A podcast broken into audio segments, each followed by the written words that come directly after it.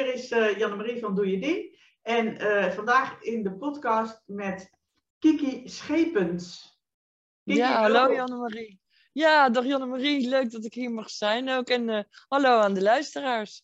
Ja, ik, voordat we beginnen wil ik graag iedereen uitnodigen om even te reageren. Als je het leuk vindt om dit soort podcasts te volgen, om dat even in een reactie te laten weten. En uh, nou ja, wie weet wil je wel gewoon uh, iedere keer op de hoogte worden gesteld dat er weer een nieuw is.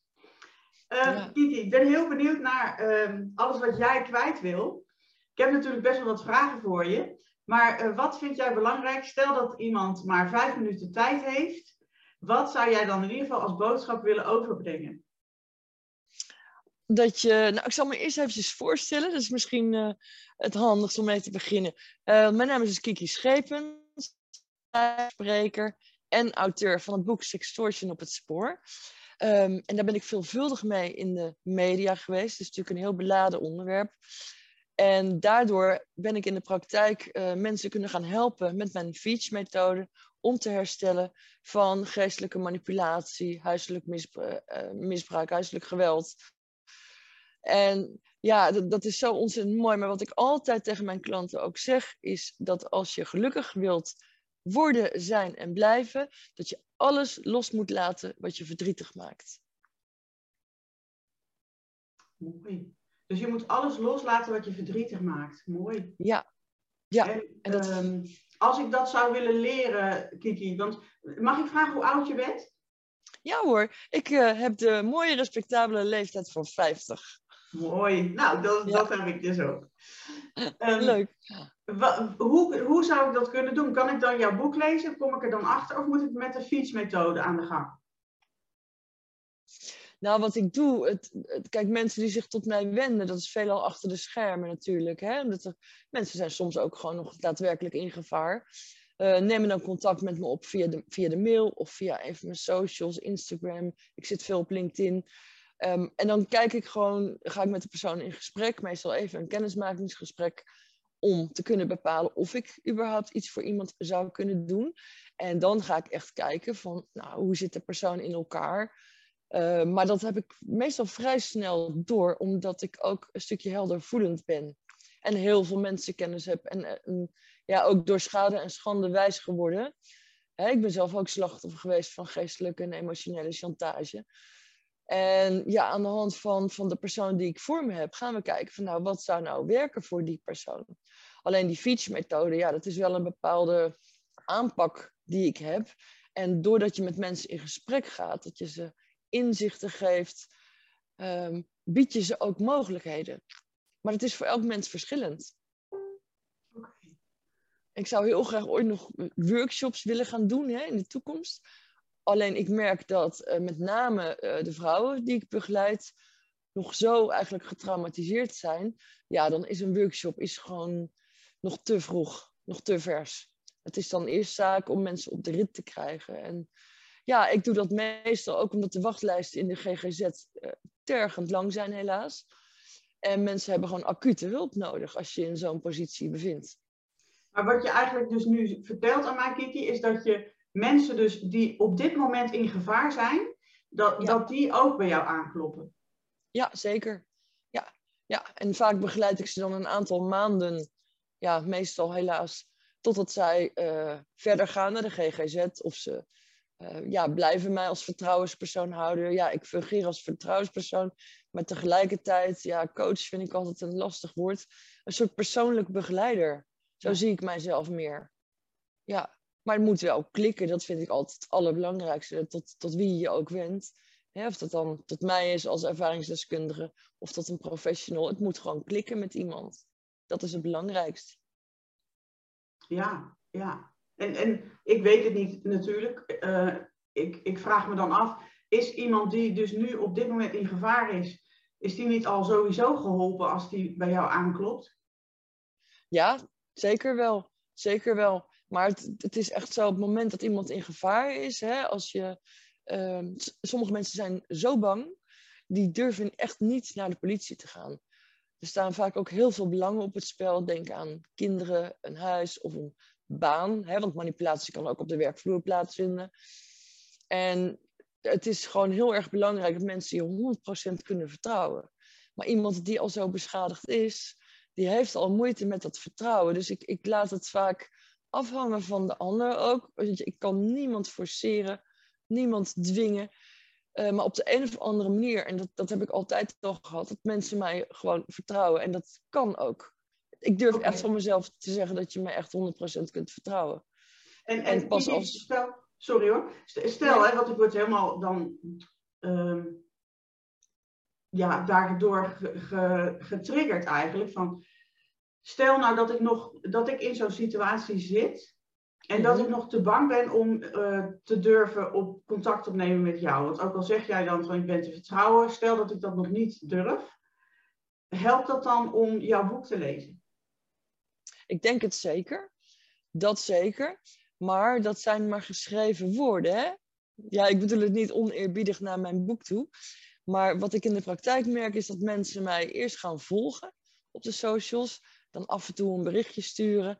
En ik weet dat ze dat doen omdat ze mogelijk op zoek zijn naar hulp. En dan ga ik ook niet vragen, heb je hulp nodig? Nee, dat, komt eigenlijk altijd vanzelf wel. Van, Kiki, mag ik je een keertje bellen? Of mag ik je mailen?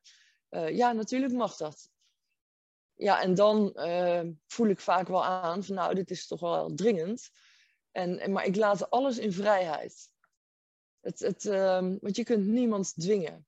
Maar op het moment dat iemand komt, ja, dan gaan we wel aan de slag. Maar dat kan op verschillende manieren zijn. Want elke situatie vraagt weer een andere aanpak. Oké, dus jij levert ook maatwerk? Eigenlijk wel, ja. Want eh, je hebt met individuen te maken. En ja, elk mens is uniek en elke situatie is verschillend. Ja. En nou zeg jij van, uh, ik ben zelf ervaringsdeskundig feitelijk. Mm -hmm, ja. En stel, ik heb jouw boek gelezen. Mhm. dan, dan weet ik denk ik iets over jouw ervaring. Ja. ja. Ehm, en dan zou ik, dan, stel, ik, ik ga dan die stap nemen. Ehm, hoe, hoe gaat dat dan? Stel, ik, ga dus, ik heb jou gevolgd en ik ga dus contact met je opnemen. En ehm, ik, ik wil dus eigenlijk naar de GGZ, maar daar is geen plek. Dus ik heb jou. Ja. Dan, uh, ja, dat is net wat je afspreekt. Hè? Kijk, het, het, bij mij hangt natuurlijk wel een prijskaartje aan, dat wel. Um, maar het is al zo fijn voor mensen om ja, iemand te hebben waar die je kunt bellen. Als je een vraag hebt, uh, als je bang bent, als je iets niet begrijpt. Want het, als je dingen uh, begrijpbaar maakt, maak je ze ook grijpbaar. En zo help je dan iemand in zijn verwerkingsproces. Dat zeg je mooi. Dus als nou ja, je het begrijpbaar maakt, dan maak je het grijpbaar. Ja. Mooi hoe je dat zegt. Ja, maar je biedt ook iemand daadwerkelijk handvatten om mee aan de slag te gaan. Maar het gebeurt ook vaak dat iemand zelf gewoon die kracht op dat moment niet heeft. He, zo heb ik bijvoorbeeld een slachtoffer die wordt momenteel ernstig bedreigd door een ex-partner, uh, gestolkt. Uh, maar die moet een slachtofferverklaring gaan opstellen voor de officier van justitie. Nou, die, die persoon is zo ja, door elkaar geschud, zo over de toeren. Uh, dat doe ik dan. Kijk, natuurlijk moet zij een bijschaven, want het is haar verklaring. Maar ik zet die woorden op papier. En ja, omdat ik zoveel gesprekken met haar heb gehad, uh, kan ik dat. En ook omdat ik schrijver ben, kan ik dat in anderhalf A4'tje samenvatten. En zo maken we dan samen die verklaring stellen we op. En waardoor zij zich ook ontzettend gesteund voelt. Ja, nou, nou dat, dat zie ik helemaal voor me dat dat super nodig is. Uh, alleen ik vraag me af, omdat er zoveel uh, mensen zijn die hiermee kampen, geloof ik. Uh, dat kan jij nooit allemaal aan. Ik kan heel veel aan. Dat klinkt heel, heel raar, maar ik heb geleerd dat het, hoe erg ik het ook vind, hè, want ik leef echt met iedereen mee hoor. Dat is ook weer de, de hooggevoeligheid die dan bij mij komt kijken. Maar ik heb wel geleerd dat het uiteindelijk toch het leed van de ander is.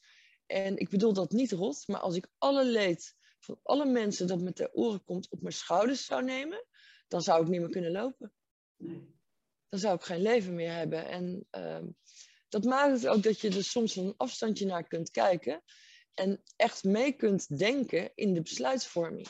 Mm Dus eigenlijk, hoe, hoe, ik ben zeg maar zelf mindset coach, hè, dus ik help mensen juist van hun hoofd naar hun lijf te komen. Maar jij zegt, eigenlijk zitten er heel veel mensen in hun lijf vast, misschien wel, ja. die af en toe nog dan hulp nodig hebben om beslissingen te nemen in hun hoofd. Ja, want het is zo, als jij uh, getraumatiseerd bent, dan gaat het hormoon, de amygdala in je hersenen, wordt groter. Ik zal het proberen zo beeldend mogelijk te vertellen natuurlijk, hè, omdat het voor de luisteraars ook beter is. Um, dat verdringt dan weer andere hormonen of, of, organen in je hersenen, waardoor jouw serotonine uh, aanmaak nul is, of uh, eigenlijk nog verder gedaald is dan nul. Waardoor je gaat leven op je cortisol. Je gaat stresshormoon cortisol produceren. En er hoeft maar iets te gebeuren of die amygdala die wordt in werking gesteld en je lijf uh, staat gewoon op, op, op trilt. Ja. En daardoor, daar kan dus iemand niks aan doen, maar kun je zo van slag raken, gaan trillen, gaan beven, gaan zweten, je bloeddruk kunt gaan stijgen. Ja, dan, dan kun je het gewoon zelf niet meer. En dat is uh, erg genoeg. Ja, en, en, wat ik dan... het valt mij dus op wat jij vertelt. En zeker is dat dus fijn als je dat beeldend inderdaad kan vertellen. Uh, maar ik stel me dus inderdaad voor dat ik dus zelf in zo'n situatie zou zijn, dat ik nu in gevaar ben en dat ik jou dan gevonden heb. Dat is al heerlijk, dat ik me dus dat ik een uitlaatklep heb gevonden en iemand, een medestander, qua gevoel alleen al. Al zou ik niets vertellen over mijn situatie, kan ik me toch gesteund voelen doordat jij er bent. En vervolgens um, wil ik daar natuurlijk ooit een keer uit. Ja. Uh, maar we zijn allemaal uh, bang voor het onbekende. Dus liever in iets blijven wat heel uh, slecht is voor me, dan dat ik kies voor iets wat onbekend is. Vaak, als we al onze problemen in de lucht zouden gooien en we moeten dan weer een nieuwe eruit vangen, dan kiezen we vaak die problemen die we al kennen. Dat klopt. Maar het mooie juist, uh, misschien wel leuk om te vertellen ook, Feach, dat F-E-A-C-H, dat is een oud-Iers-Keltisch werkwoord en dat betekent kijken. Dus het is eigenlijk voor mij een methode om te laten zien van, kijk, zo kan het ook. Ja. En ja, het is ook vaak um, ja, dat, dat mensen dingen voelen en dingen vertellen. En je laat mensen ook daadwerkelijk ervaren hoe het anders kan. Alleen het is een heel geleidelijk proces. Hè? Het allerbelangrijkste is, vind ik altijd in de eerste plaats, dat iemand zich gehoord voelt. Het, het, het tender love en care. Want je, je kunt niet gelijk tegen iemand zeggen, een slachtoffer, nou, je moet dit doen of je moet dat doen. Nee, hoor iemand eerst eens even aan. Hè, gun die persoon de ruimte, geef hem liefde, bied een luisterend oor en heel belangrijk, blijf oordeelvrij. Maar het feit alleen al dat iemand zich gehoord voelt, dat is al voor heel veel mensen zo ontzettend fijn. En van daaruit kun je stapje voor stapje werken of bijdragen aan iemands herstel.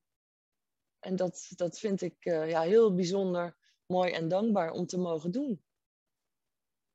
Ja, daar kan ik me iets bij voorstellen. Het is, um, wat jij zei, hè, de, de, de enorm lange wachtlijsten bij de GGZ, die uh, nou ja, niet op korte termijn op te lossen zijn, maar um, heb jij ook een, jij, jij doet naast uh, Feach en naast jouw boek wat je hebt uitgegeven, um, waar je ook bij had verteld dat je daar misschien wel uh, uh, iets mee wilt doen hè, met jouw nieuwe boek als cadeau.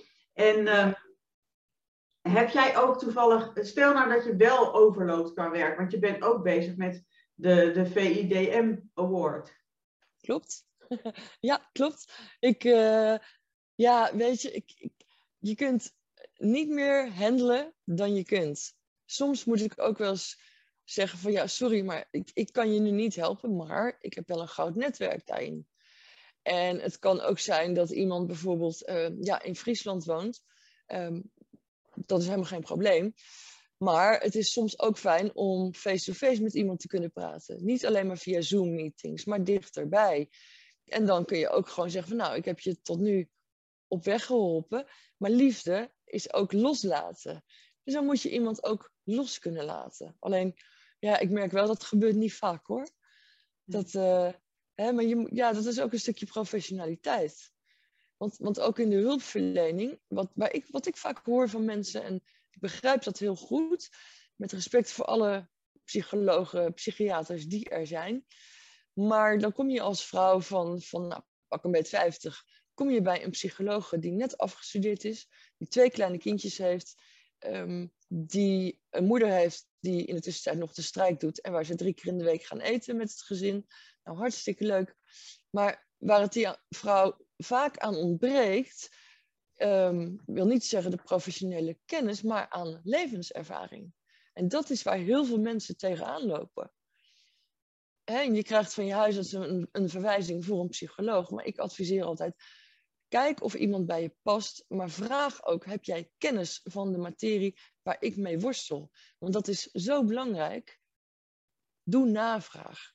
En, en als je toch al in zo'n rot situatie zit, dan is het helemaal niet erg om, nou ja, pak een beetje een halve dag of drie kwart dag de tijd te nemen om echt te zoeken naar een hulpverlener die bij jou past als persoon en bij jouw problemen. Ja. Dat is alleen maar goed om dat te doen, want je investeert in je toekomst daarmee. Hè? Zo moet je het zien. Dat is ook wat je net zei. Het is heel makkelijk om vast te blijven zitten in een vertrouwde situatie. Maar je moet eigenlijk weer opnieuw leren om van jezelf te houden.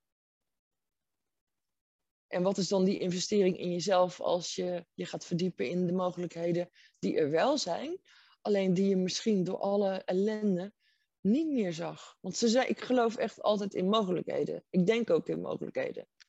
Ja, ja. En, en ja, jij zegt het begint ermee dat, dat mensen gewoon snappen van er is dus uh, wel een oplossing. En ja. uh, je kunt er dus uit uh, en ook op het tempo wat jij dus kiest. Ja. En uh, jij bent dus, uh, want VIDM is vrouwen, vrouwen in de media. Ja, VIDM staat voor het platform Vaker in de Media. Dat is een, uh, ja, een mediaplatform om journalisten en ervaringsdeskundigen, maar ook auteurs en sprekers op een laagdrempelige manier met elkaar in contact te brengen. En de Vrouw in de Media Awards zijn in het leven geroepen door Vaker in de Media en Zij Spreekt. Ook het sprekersbureau uh, voor vrouwelijke sprekers, om redacties aan te moedigen, om ja, vaker vrouwen als rolmodellen aan het woord te laten in de media. Want slechts 26% van alle sprekers in de media is vrouw. En dan moet je bedenken dat het percentage uh, dat spreekt over partnergeweld en cybercrime is dan nog het allerkleinst van die 26%. En dan denk je, ja, er zijn zoveel inspirerende vrouwen. Uh, ja, ik vind ook dat er gewoon meer vrouwen in de media moeten komen. En dat, uh, ja, goed, mensen kunnen in, in deze fase stemmen tot en met 27 januari 2022. Dus het is ook een tijdelijk iets. Hè? En daarna wordt het weer een stuk rustiger. Of juist niet. Hè? Als ik uh, de award voor de regio Zuid-Holland zou winnen, kan het zomaar ineens veel drukker worden. Maar je mag je niet blind staren op alleen maar het spreken, want er is nog meer. En dat is juist het mooie, de combi daarvan. Ja, het is gewoon zo heerlijk om gewoon überhaupt naar jouw stem te luisteren. Want jou, uh, jij bent dat gewend, hè? dat is te, te horen. En uh, ja, ik vind dat jij een hele prettige stem hebt om naar te luisteren. Maar, ja, dank je. Uh, ja, alsjeblieft. dus je kunt heel goed spreken en je schrijft. Um, mag ik vragen wat bij jou, zeg maar, um, ertoe heeft geleid dat jij bent, uh, dat de knop om is gegaan. Want jij hebt dus zelf een ervaring gehad waar je niet blij van werd.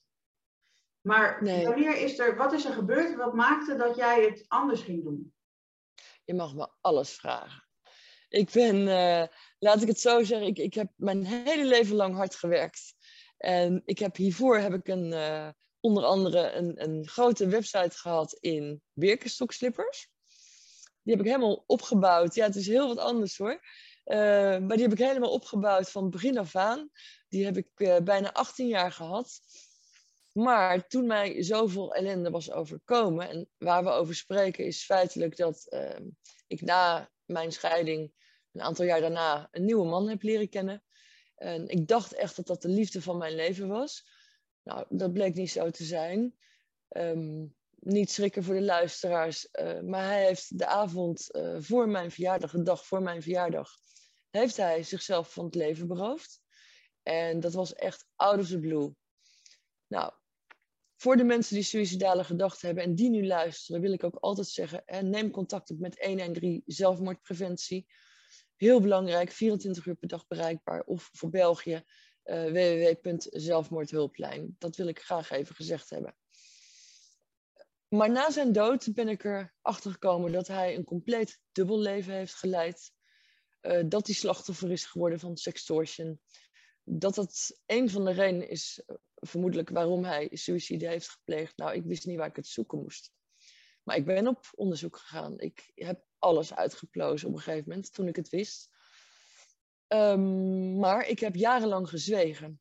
En onder andere om mijn zoon te beschermen, want die was toen nog maar net elf.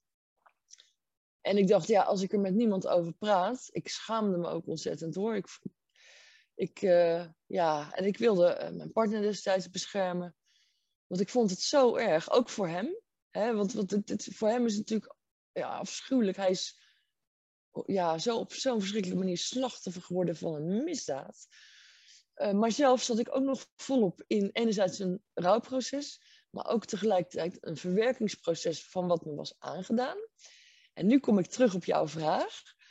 Ik dacht op een gegeven moment van ja, Kiki, wat wil je nou? Wil je nou de rest van je leven 80 of 90 uur per week blijven werken? Nou, het antwoord was nee, dat wil ik niet. Ik dacht, ik wil alleen nog maar doen wat ik leuk vind. En toen ben ik dus gaan kijken van nou, wat vond ik nou als kind geweldig? Nou, dat schrijven, dat heb ik altijd al gedaan. Hè? Ook voor, die Birkenstok, uh, voor het Birkenstokbedrijf van mezelf. Hè, alle socials, alle marketing deed ik zelf, bloggen. Dat deed ik ook wel voor andere bedrijven. Ik dacht, nou, ik ga dat gewoon doen. Want schrijven geeft mij energie. Maar op podia staan heb ik als kind ook altijd leuk gevonden. En ik ben altijd, ook op feestjes, ik ben altijd wel degene die, de clown, die iets geks gaat doen om anderen te laten lachen. Uh, maar ik heb ook bij bedrijven wel eens presentaties gegeven, als ze ergens mee worstelen met social media dingen. Ik denk, nou, volgens mij kan ik dat wel. Dus dat was eigenlijk ook het keerpunt dat ik dacht, nu moet het anders. Alleen ja, je bedrijf verkopen, dat doe je niet zomaar. Daar gaat echt wel een uh, hoop werk aan vooraf.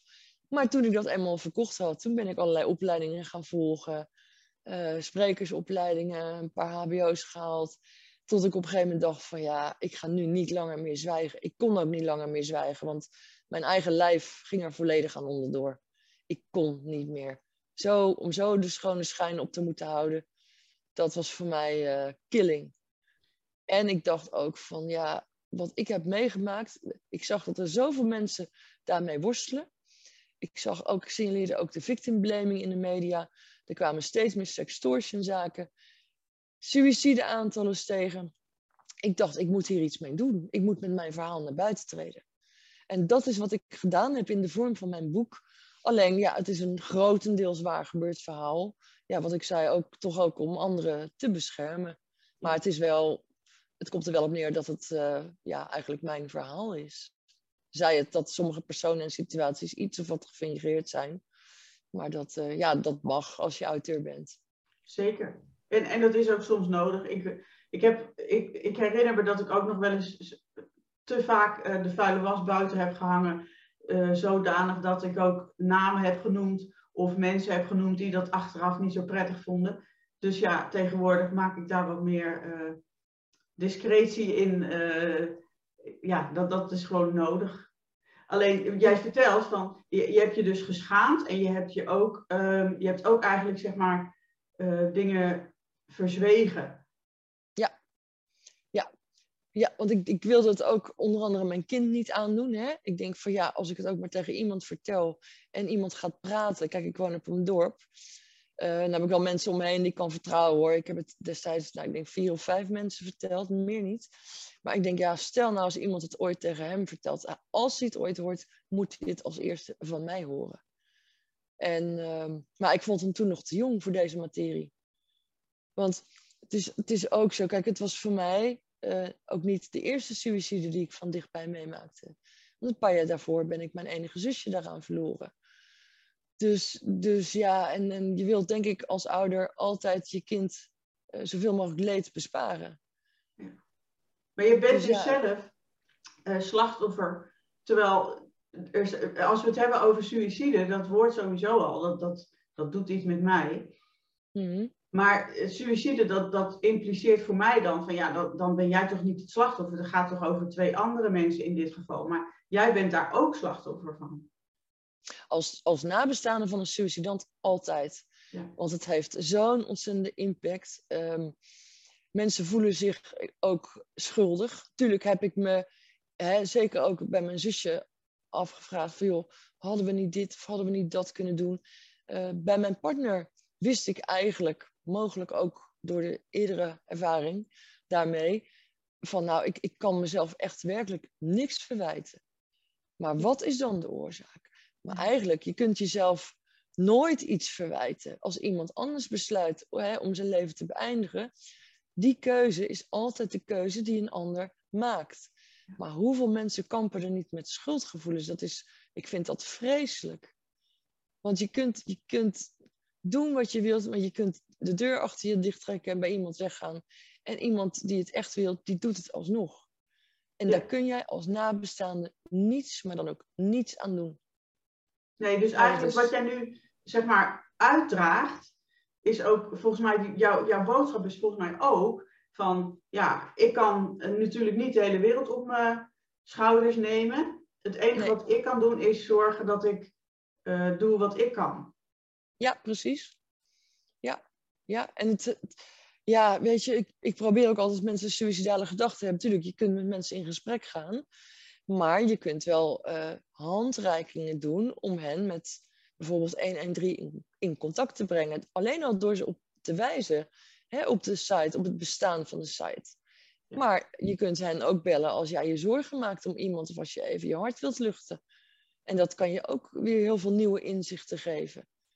Hè, je ik, heb, uh, ik heb geleerd van uh, uh, een mevrouw die heeft verteld ooit in een programma over haar zoon die, ehm, die zelfmoord gepleegd had dat zij zei achteraf, ik ben zijn hele leven bezig geweest om hem te overtuigen hoe mooi het leven is. Ja. En ze zegt, en ik heb nu zo'n spijt dat ik nooit aan hem heb gevraagd, hoe erg is het? In plaats van dus dat ze tegenover hem stond, zegt ze, had ik naast hem willen staan om even in ieder geval die verbinding met hem te voelen. Ik kan me dat van een moeder verschrikkelijk goed voorstellen. Ja, van iedereen. Um, maar dat is ook wel een stukje dat in mijn boek aan bod komt. Want er zijn altijd verschillende, er kunnen er verschillende oorzaken zijn waarom iemand besluit om zichzelf van het leven te beroven. want dat, dat doe je ook niet echt zomaar. En ik probeer dat in mijn boek ook uit te leggen, zodat het ook weer begrijpbaar wordt voor de mensen, waardoor ze het misschien ook makkelijker los kunnen laten, die schuldgevoelens. Want het is niet zo eenvoudig. En hoe erg ook hoor. Uh, ik kan me heel erg voorstellen dat als iemand slachtoffer is van uh, sextortion, dat je echt niet weet waar je het zoeken moet. Hè? Als jouw naaktbeelden online staan of er wordt gedreigd om ze online te zetten, nou, dan stort je wereld gewoon in. Hè? Dat, dat, dat gun je werkelijk niemand. Maar ik vind het te oordelend om dan te zeggen dat komt daardoor, want je mhm. weet het niet er kunnen ook meerdere dingen, zaken meespelen. Dus ik, ik, je zult dat mij nooit horen zeggen. Maar het is wel vaak wat uh, mensen denken. En daarom ook is het, ja, probeer ik het uit te leggen in mijn boek, om daar meer bekendheid aan te geven en rugbaarheid. Want het is echt nog een ding dat, dat in een verdomhoekje zit. Hè, mensen hebben ook tegen mij gezegd van uh, destijds, en ook een stukje victim blaming, van hoe kan dat nou? Hij was toch jouw partner? Waarom heb jij nooit wat gemerkt? en dat doet dan zo'n pijn als iemand dat tegen je zegt. Of als iemand zegt van ja, maar ja, je moet toch wat aan hem gemerkt hebben. Dat, dat, dat, net alsof je hele relatie niks voorstelde. Weet je, dat, dat victim blaming stukje wat ook daar soms bij komt kijken. En heb jij, dat, um, heb jij jezelf daar dus nu ook in vergeven, Kiki? Ja, ja, ja, zeker. Vergeven is echt ook een belangrijk onderdeel dat in mijn boek aan bod komt. Ehm, ik heb ook eh, mijn partner vergeven. Dat, en dat gaat ook niet van de ander op de een op de andere dag hoor. Dat, is echt wel tijd die daar overheen gaat. Maar vergeven is iets dat je jezelf cadeau doet. Want het is zo'n ballast als je leeft in boosheid, um, leeft met boosheid. Dat vreet je gewoon helemaal op van binnen. En ik, ik heb ook zelfs, want de daders, hè, want er zijn toen verdachten opgepakt en die zijn later veroordeeld. Uh, dus het zijn daders geworden. Ik heb het zelfs ja, de kracht gevonden om hen te kunnen vergeven. En dat doe ik, heb ik vooral ook voor mijzelf gedaan, want anders zou ik geen leven meer gehad hebben. Als je heel je leven lang rond blijft lopen met boosheid en, en wrok en rancune, man, dan maak je het voor jezelf onnodig zwaar. Maar goed, dat heeft ook te maken met de veerkracht van je brein. Want dat is helaas niet iedereen gegeven, maar ik gun dat wel iedereen. En dat is ook een stukje wat ik probeer mee te geven met die fietsmethode.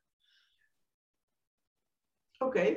Eh, Kiki, als mensen denken of uh, weten, ik heb Kiki nodig, of ik wil haar mhm. boek, of uh, hoe kunnen ze bij jou het makkelijkst in contact komen en het meest veilig? Uh, het meest veilig is denk ik gewoon via de mail. Dat is kiki apenstaartje kikischepens.nl met dubbel E, schepens. Maar als je googelt op mijn naam, dan kom je eigenlijk ook overal mijn websites tegen. Uh, ik heb een website van het boek www.sextortionboek.nl www.feach.nl en www.kikischepens.nl Ja, mijn LinkedIn, daar ben ik de enige die daar uh, achter de schermen zit.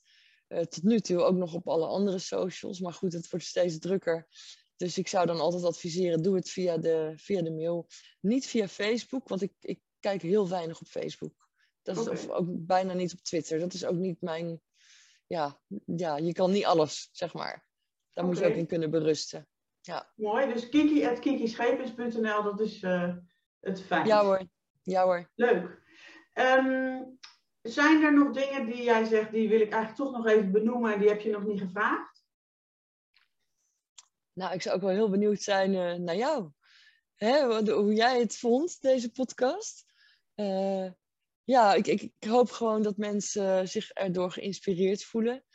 Dat mensen ja, deze podcast ook gaan delen. Want ik weet dat jij ook heel veel mooie dingen doet, bijzondere dingen, ook met de paardencoaching. Wat ik overigens ook vaak aanraad bij mensen die getraumatiseerd zijn.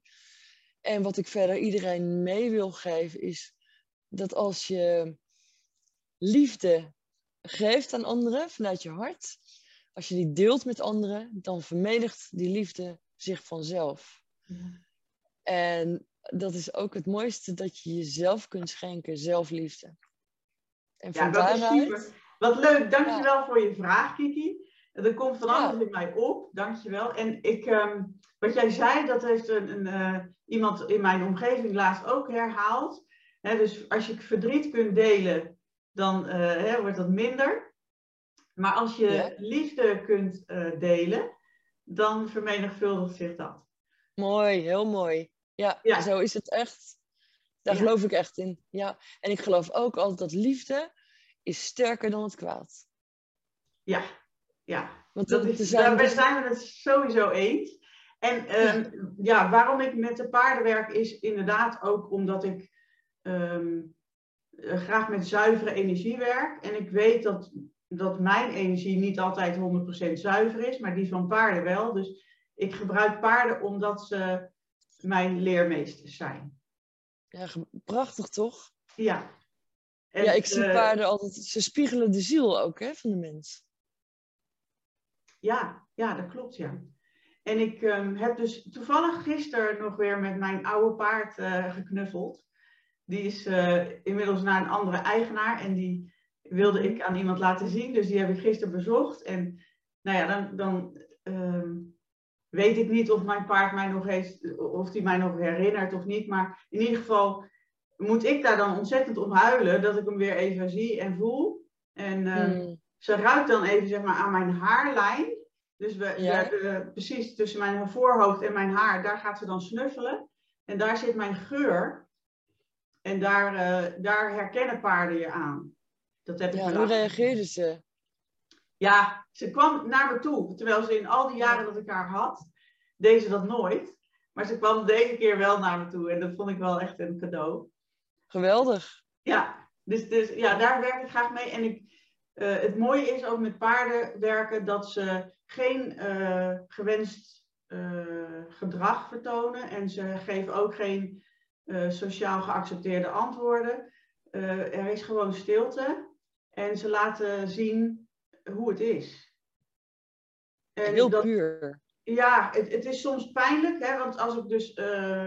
Ik heb ook met mijn systemische opleiding geleerd om het in het begin iets erger te maken als dat kan, zodat het mhm. helder wordt wat er gezien mag worden. Mm -hmm. want zachte heelmeesters maken stinkende wonden, zeggen ze. Dus uh, dat is, dat is juist de kunst om, om uit, uit dat stukje te blijven waar je ja, dus om bij jezelf te blijven. Ik volg nu een opleiding waar ik uh, mezelf oefen om steeds bij mezelf te blijven, zodat er ook heel veel ruimte blijft voor de ander om zijn eigen proces te door, door te maken. Ja, alleen maar mooi. En daar kun je weer heel veel mooie andere dingen mee doen. Hoe mooi is dat? Ja, ja, dus het is ook heel bijzonder hoe wij elkaar hebben ontmoet, hè, Kiki? Want wij kennen elkaar nu, denk ik, drie dagen. Ja. ja. En, en soms dan is dat gewoon zo. Hè? Dan mag dat dus kennelijk zo zijn. Dan komt, dat iets, komt er iets of iemand op je pad waardoor je weet van, oh ja, dit klopt. En wij hebben iets met elkaar te doen. Kwestie van gevoel ook echt hoor, wat mij betreft. Het voel je ja, door, tussen de regels door, zeg ik wel eens. Als je een posting leest van iemand, hè, want ik was geraakt door een posting. Nou, jij vroeg mij welke posting. Toen dacht ik, oh helft, dat weet ik niet meer. Maar het heeft me geraakt.